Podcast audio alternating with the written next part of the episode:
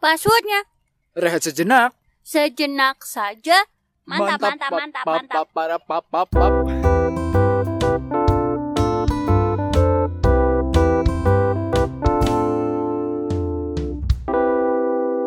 Pasin loh. Bang, Iya, Neng. bang, abang pulang. Abang pulang bawa bungkusan. Emang gitu ya lagi? Lupa sih. Wih, kalau abang pulang bawa bungkusan, beli bungkusan pakai apa? Pakai uang. Wah, kita mau bahas uang. Cuan, cuan, cuan, cuan, cuan, cuan, cuan, cuan. Hepeng, hepeng, hepeng, hepeng. Bahas uang, Bu, kita.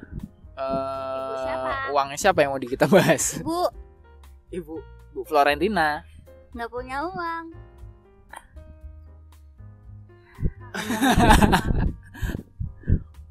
Cari uang susah ya bang. Setelah usia 25 tahun nggak bisa minta lagi uang ke mama tuh cari uang susah. Oh, bukannya Ibu masih minta uang? Iya sih masih dikasih uang. Saya pun masih dapat uang bensin kadang-kadang. Saya pun Tapi eh, kapan kamu nyari uang sendiri? Dua tahun lalu, Yang udah mulai kerja itu ya? nggak dua tahun lalu, setahun yang lalu. Itu udah nggak dikasih uang saku sama sekali. Enggak, terus minta lagi karena kuliah. Oh, karena berhenti kerja kuliah minta uang saku lagi. Ingat gak pertama kali kamu dapat uang saku berapa? Uang saku sekolah. Mm. Hmm, Emang ada yang nggak selain sekolah uang saku di rumah? jajan? Uang jajan di rumah gitu dapat? Iya, minta bapak aku. Oh, oh, tapi kalau nggak minta nggak dikasih kan? Beruntungnya saya minta terus. Berapa tuh uang sakumu waktu TK deh TK? Lupa ih. Pokoknya kalau TK tuh kalau aku uangnya habis, seingatku ya aku tuh cuman pulang ke rumah minta uang. Seribu tuh dapat bakwan dua apa tiga ya? Beli di mana bapak? Di depan sekolahku. Siapa yang jual? Lupa namanya mbak-mbak kok. Terima kasih dulu dong. Kenapa jadi terima kasih mbaknya? Mbak yang berjasa loh dalam kehidupan. Kalau waktu SD tuh lupa aku 5000 apa 10000 ya. Waktu itu tuh uang tuh 10000 tuh masih banyak banget buatku loh yang masih anak seupil gitu nasi goreng 2000 aja aku dapet Aku sepuluh ribu tuh kayaknya SMP deh kelas 3 atau SMA kelas 1 tuh sepuluh ribu loh saya. Ih kasihan banget loh Eh, iya nggak ya? Pokoknya aku dulu ngikutin kelasku kelas 6 SD 6000 6 ribu, kelas 5 5 ribu, berarti makin naik makin gede gitu. Oh aku mungkin karena SMP ku jauh dari rumah kali ya dan aku harus naik angkutan tuh eh SMP tuh aku udah mulai 15000 ribu Sekolah SMA 20 ribu Bayar angkot SMP berapa? SMP naik bus 2000 eh iya 2000 eh sekolah ya masih pakai baju tuh pakai masih pakai baju seragam 1000 Sama, eh itu tetangga bisa jauh, jauh deket.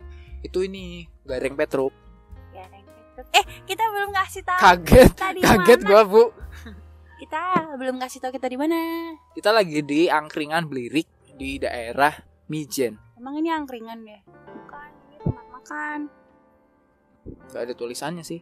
ya pokoknya kopi blirik teman-teman ini lagi lagi viral di daerah Mijen Emang iya, kayaknya viralnya kemarin-kemarin. Kayak Sekarang udah terkenal. boleh iyain aja Iya. Oke.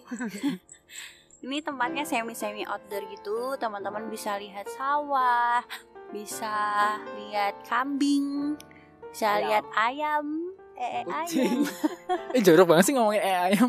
Iya tadi bu ee ayam.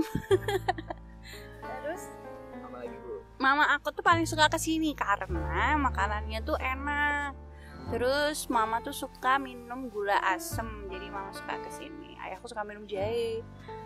Ya nggak setiap hari minggu ke sini sih, tapi beberapa kali itu ke sini. Karena makanannya nggak kayak di resto-resto gitu loh, jadi bener-bener Jawani.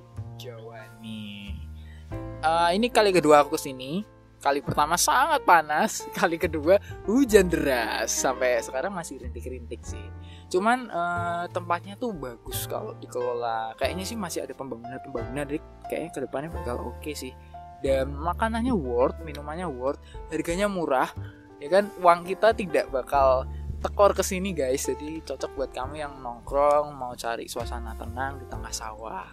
Itu nggak akan menghabiskan uangmu. Balik lagi ke uang. Dulu uang sepuluh ribu itu di zaman aku SD menurutku tuh udah banyak banget. Ya kan ada yang namanya inflasi bu. Yang kalau luka terus inflasi. Betul betul belum nangkep nih. Luka kalau kena kuman jadinya inflasi. Infeksi. Yeay. Yeay, jangkrik keluar lah. Ada suara kambing ganti deh. Jangan suara jangkrik ganti kali-kali suara kambing. Oke balik ke tadi kita sejak kecil tuh udah dikasih Ayam, uang. oh, eh, ayam lagi. Ya dari kecil hidup dengan uang nggak hidup dengan uang sih. Maksudnya eh, alat tukar. Untuk mendapatkan sesuatu tuh kita terbiasa dengan uang gitu dari kecil kalau kamu gitu maksudnya eh, kamu baru dapat uang saku kalau melakukan sesuatu? Enggak sih ya kalau sekolah aku dapat uang. Enggak liburan aja aku dapat uang. Ini ini btw mamaku sering denger loh jadi jangan suka fitnah. Aku nggak fitnah kan nanya. Oke. jangan suka bersaksi dusta di badan mama nah itu kamu kecil diajarin ngatur duit gak cuman dibilang kalau uangnya sisa ditabung ya gitu. Terus kecil tuh kalau waktu sampai SMP itu aku masih eh, jajannya tuh per hari kasih uang jajannya per hari. Tapi semenjak SMA tuh aku kasih uang jajannya mingguan. Terus waktu kuliah tuh aku uang jajannya bulanan kayaknya itu cara orang tuamu untuk ngasih kamu eh, pendidikan ngatur Ya. uang ya? Bertanggung jawab. Tapi kayaknya ya nggak ngaruh. Kok bisa? Ya habis aja tuh duit. Ya ya sih ngabisin duit lebih gampang daripada dapetin duit. betul sekali. Pertama hujan. Eh hujan. Gerimis aja. ikan teri. Diasinin dijual duit lagi. Ya ya ya ya. Eh, dulu tuh pertama kali cari duit itu jadi tim danus di SMA aku ingat banget tuh. Itu susahnya minta ampun. Waktu zaman aku itu eh, jualan lidi. Ya, bukan lidi buat sapu ya mie lidi itu loh. Jajanan itu kan yang Iya, pedes-pedes yang bikin sakit juga. Enggak nyatanya enggak ada yang sama kalau kamu mah. Iya. Nah, itu tuh waktu itu buat dana acara retret kalau nggak salah. Itu dapat sejuta apa dua juta gitu dari cuma jualan milidi dua bulan. itu pertama kalinya kamu cari uang sendiri Cari uang nggak sendiri sih sama teman-teman. Maksudnya nggak nggak dibantu orang tua aku gitu loh. saya Nah, nggak yang minta uang ke papa mama enggak. Itu tuh sangat bangga sih bisa bisa dapat uang. Meskipun itu ide temanku ya, aku cuman bantuin doang tuh kayak ini ya susah juga cari duit, tapi senang bisa ngasilin duit waktu itu. Terus jualan beberapa makanan di Jadi kalau di beberapa gereja tuh dia nyediain kantinnya untuk kita jualan di sana gitu. Jadi nanti kita dapat uang dari persenannya lah di sana lah kayak gitu. Aku nggak tahu hitung-hitungannya gimana gitu. Ya udah gitu. Itu pertama kali banget aku dapat uang dengan jerih payahku sendiri meskipun bukan buat aku ya. Gitu. How about you? Pertama kali dapat duit yang bukan uang saku. SD ya yang aku ingat TK tuh masih dikasih bekal makanan gitu kan jam sekolahnya bentar tapi kalau situ ku seingatku aku pernah dikasih uang saku 500 itu dulu bisa buat beli leker bu dulu leker leker Paimo yang legend di Semarang itu dulu nongkrongnya di depan sekolahanku dulu belum se-famous ini. Leker Paimo masih seperti leker-leker yang lain lek-lek biasa. Tapi sekarang kan wah itu udah jadi ikon Semarang bahkan Paimo jadi ya dulu aku bisa beli leker tuh harganya 250 jadi dengan uang saku 500 aku bisa beli leker dua. Nah itu kelas 1 tapi terus kelas 2 kelas 3 mulai gede gitu harganya mulai naik kan. Gitu. Itu pertama kali dapat duit ya SD nah kalau kamu kan tadi dapat duitnya per hari terus SMP per minggu terus SMA per bulan Kamu nggak nyimak pertanyaanku ya? apa Aku tanya, kamu, aku tanya, kamu pertama kali dapat duit bukan duit saku tuh kapan? nggak bilang gitu Kita dengarkan rekaman berikut ini. Pertama kali dapat duit yang bukan uang saku. Yang bukan uang saku. Yang bukan uang saku. Kamu cerita dulu, cerita dulu ya tadi. Ya lanjutin dulu. ya lanjutin tadi aku sampai eh, kuliah pun uang sakunya harian nggak pernah uang saku yang bulanan nah ini baru menjawab bu baru pertama kali saya ngatur duit bulanan setelah saya kerja Berarti pertama nggak jawab juga dia. Berarti pertama kali dapat duit selain uang saku tuh kapan? Ngerti Oh, kalau? ngerti lah ya waktu kuliah waktu saya mulai bisnis freelance freelancean gitu dulu sempat sama teman bikin eh, studio-studio desain terus dapat klien itu sih Hmm, jadi jawaban saya muter dulu ya bu ya kayaknya kelihatan. Muternya jauh banget. Gitu. Susah nggak sih cari duit tuh sebenarnya menurutmu? tergantung susah apa enggak wong nyatanya kalau kita nggak punya skill apa apa pun nih katakanlah ya Kang parkir. tuh Oke. atau tu- eh, kita bisa keliling nih keliling nyari botol-botol bekas Iya iya. iya kan? Maaf. itu malah bagus loh maksudku kita menjaga lingkungan supaya diolah lagi jadi orang yang ngumpulin botol bekas dijual lagi kan nanti diolah lagi plastiknya nggak ke laut itu paling gampang kan sebenarnya ya tinggal perspektif kita aja Hmm. kalau kamu tim tim pencari uang atau tim penghabisin uang Penghabis uang. Penghabis uang. Eh, apa? Kamu dulu. lupa Penghabis uang. Cari uang tuh susah. Eh, meskipun mama marah-marah karena aku kuliah, kuliah aja kagak cari duit. meskipun mama nggak tahu kan tabungan di mm, berapa gitu kan. emang berapa Selamat ulang tahun. Nyala enggak lampunya. ini udah mulai gelap lampunya nyala Oh, usah. Ya, em, lebih enjoy menikmati uang sih bang daripada cari ya sih. iya sih iya tapi kalau aku aku di masa-masa enggak sih sekarang kayak Menikmati. lebih menikmati nyari uangnya kayak nerima kalau bisa jangan keluar gitu loh Wow, nggak bisa dong. kalau bisa semua duit yang aku dapat tuh ya udah simpen dulu gitu untuk keperluan nanti masa depan Wow, nggak bisa. iya sih kan ah, pasti ada pengeluaran kan Kamu kalau nggak mau ada pengeluaran, kerja aja di rumah. Bensinnya kamu tanggungin ke ibu, makan ikut ibu, udah nggak keluar apa-apa. iya Yaudah. Tapi terasing nih Tapi ansos. Balik lagi. Kita sama-sama setuju ya kalau cari duit itu susah. setuju Tapi asal kita mau berusaha pasti kita dapet duit. bisa Oke. Nah, uang tuh jadi life goal semua, nah. sekarang iya kan tadi saya bilang saya lebih suka nyari uang daripada ngabisin uang Mbak uang. Eh, karena apa ya ya nggak memungkiri eh, goalsku selain uang itu butuh uang bu. Contoh nikah terus Mewujudkan impian. mewujudkan impian beli rumah untuk masa depan itu butuh uang kan? Dan nggak sedikit. Eh, dan itu bukan apa ya proses mengumpulkan uangnya bukan yang sehari dua hari sebulan dua bulan. Untuk beli rumah sekarang harga rumah ya ampun bu mahal banget. Eh, dapat mau harga yang wajar pun jauh di kenapa kenapa bu kok Kita tengok-tengok bikin rumah saung aja yuk, murah nih kayaknya nih. 500 ribu jadi dah. Bu, mohon maaf nih ya teman-teman ya yang dengerin nih ini kagak ada temboknya masuk angin kita Gak apa-apa. Lanjut. eh ya salah satu life goalsku uang Hmm. Nggak ditanya balik tuh. oke kalau kamu ibu apakah eh, uang jadi life goalsmu Enggak.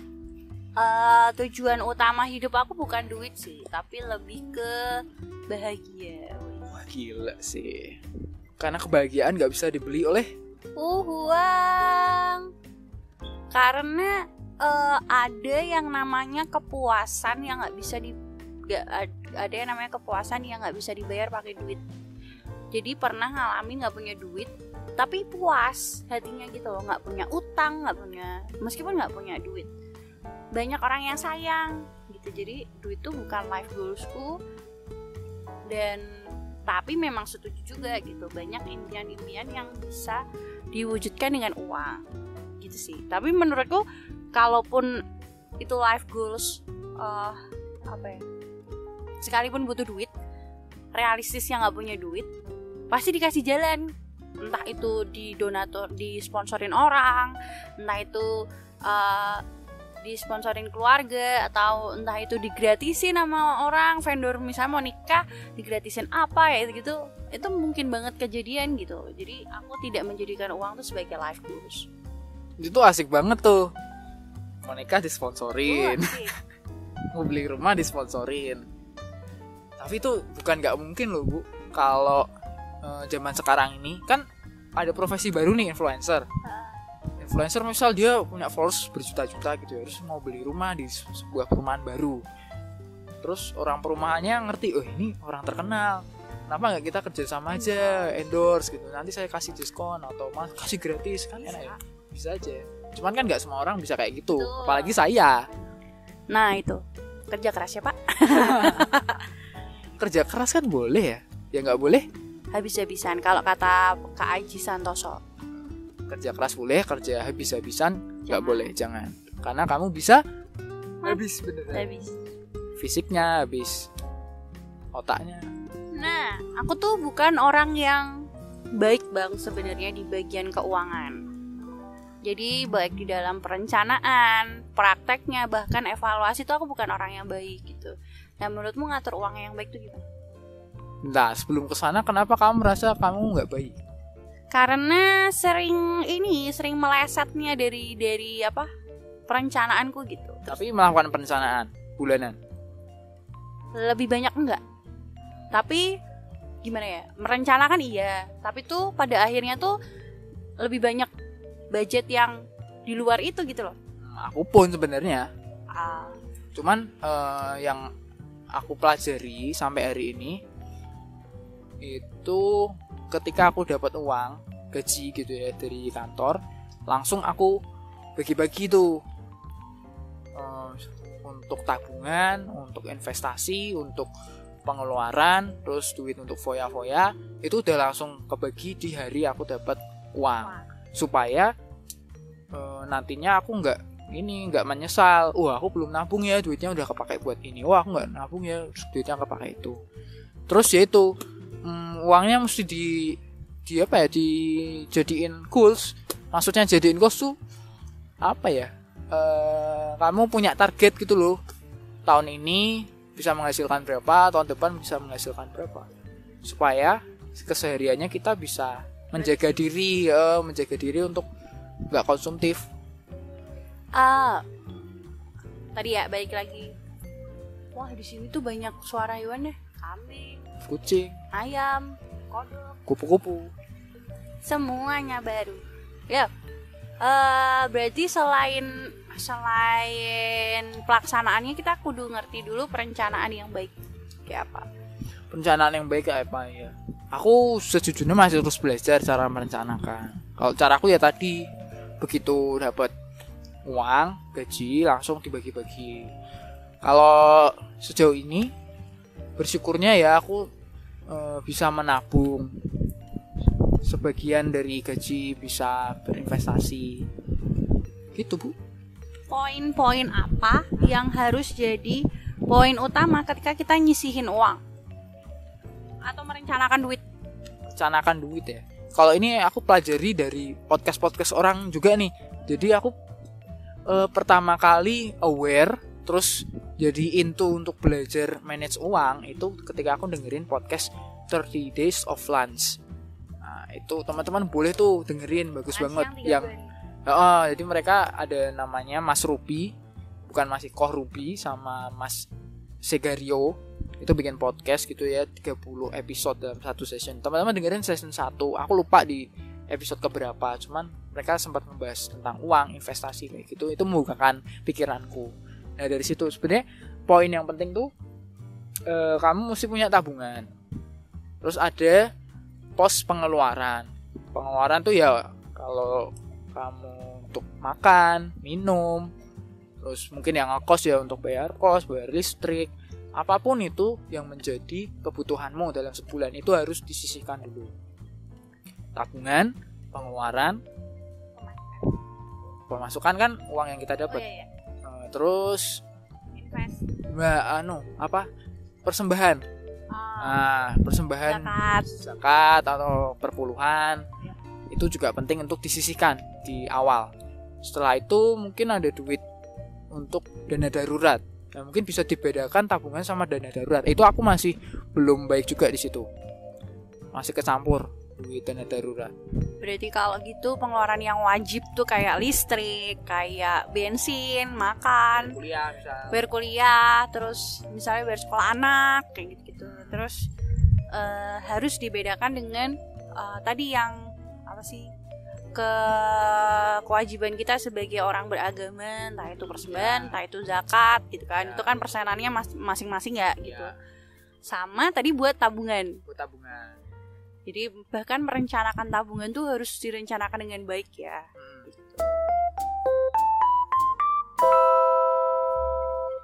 Oke, sejauh ini bang, pengeluaran terbesarmu apa nih? Sejak pandemi ya pengeluaran terbesarku buat ngafe sih. Eh ngapain tuh ngafe sama siapa?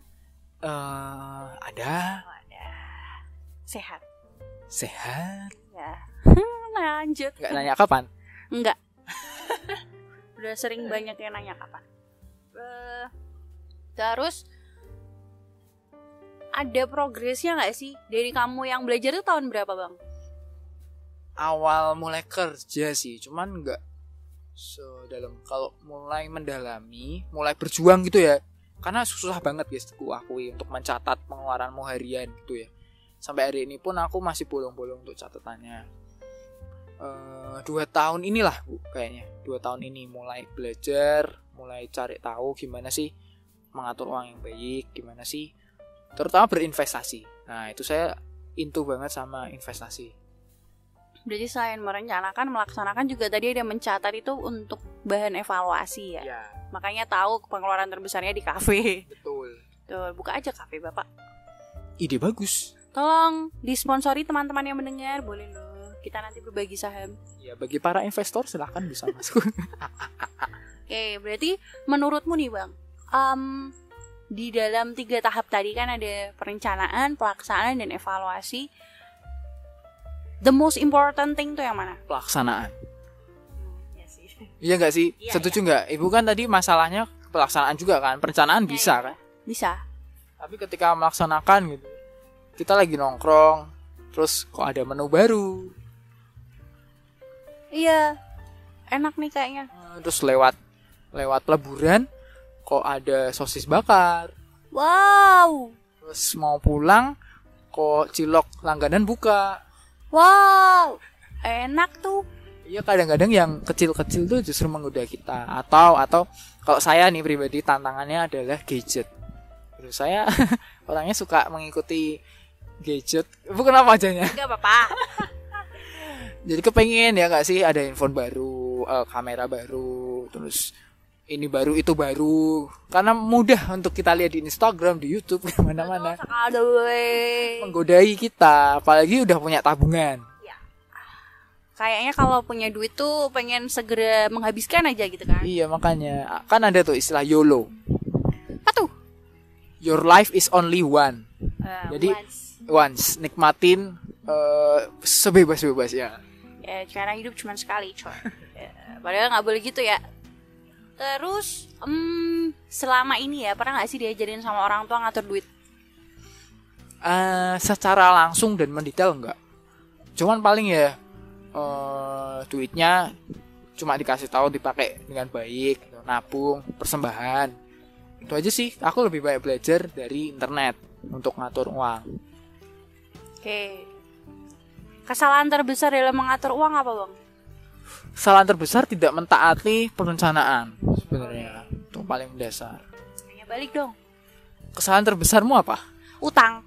Pernah? Pernah. Utang apa? Utang sama temen kalau nggak sama misalnya mama ngasih bulan ini eh apa tuh kayak jatah nih bulan ini nih. Ah. misal sejumlah itu gitu. Nanti utang sama mama mah nggak punya uang mah ngebon dulu dong tak bulan depan dipotong kayak gitu loh itu yang itu yang kesalahan terbesarku sih. Maksudnya kan harusnya kita menahan diri ya. Ini kalau budget nggak ada udah nggak usah beli apa-apa lagi udah gitu. Nah aku tuh nggak bisa ternyata nahan itu. Apalagi kalau untuk kayak dana-dana sosial seems like eh tengok orang sakit kondangan teman deketku kon teman deketku nikah kan harus kondangan tuh mau nggak mau Tuh. ada yang ulang tahun keluarganya. Lah itu. Bikin bikin kado. Aduh ini nggak merencanakan nih bulan ini tapi keluarga kita banyak gitu kan. Apalagi keluarga keluarga keluarga keluarga yang deket gitu. Aduh mantap. Bagaimana ini? Tidak mungkin hanya memberikan mainan yang harga dua puluh ribu atau baju yang harga sepuluh ribu. Tidak mungkin. Tidak ada juga. Oh betul. Setelah kita tulis ya kan Januari kok ada ya? Februari kok ada dua ya? Maret loh kok ada lagi ada terus bahkan nggak ditulis bang tiba-tiba besok ini ulang tahun mantap nah mungkin kayak gitu gitu tuh perlu masuk perencanaan kita kalau memang harus ngadu gitu sih Iya, kalau nah itu loh itu kesalahan terbesarku sih maksudnya. Eh dipanggil bapakku pulang dulu. Guntur.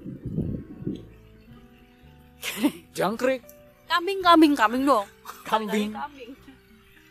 Itu Eh, itu sih kesalahan terbesar. Ya, semoga teman-teman eh nih nih nih, nih, aku mau Apa, tanya apa, apa, apa. Setuju gak sih utang utang?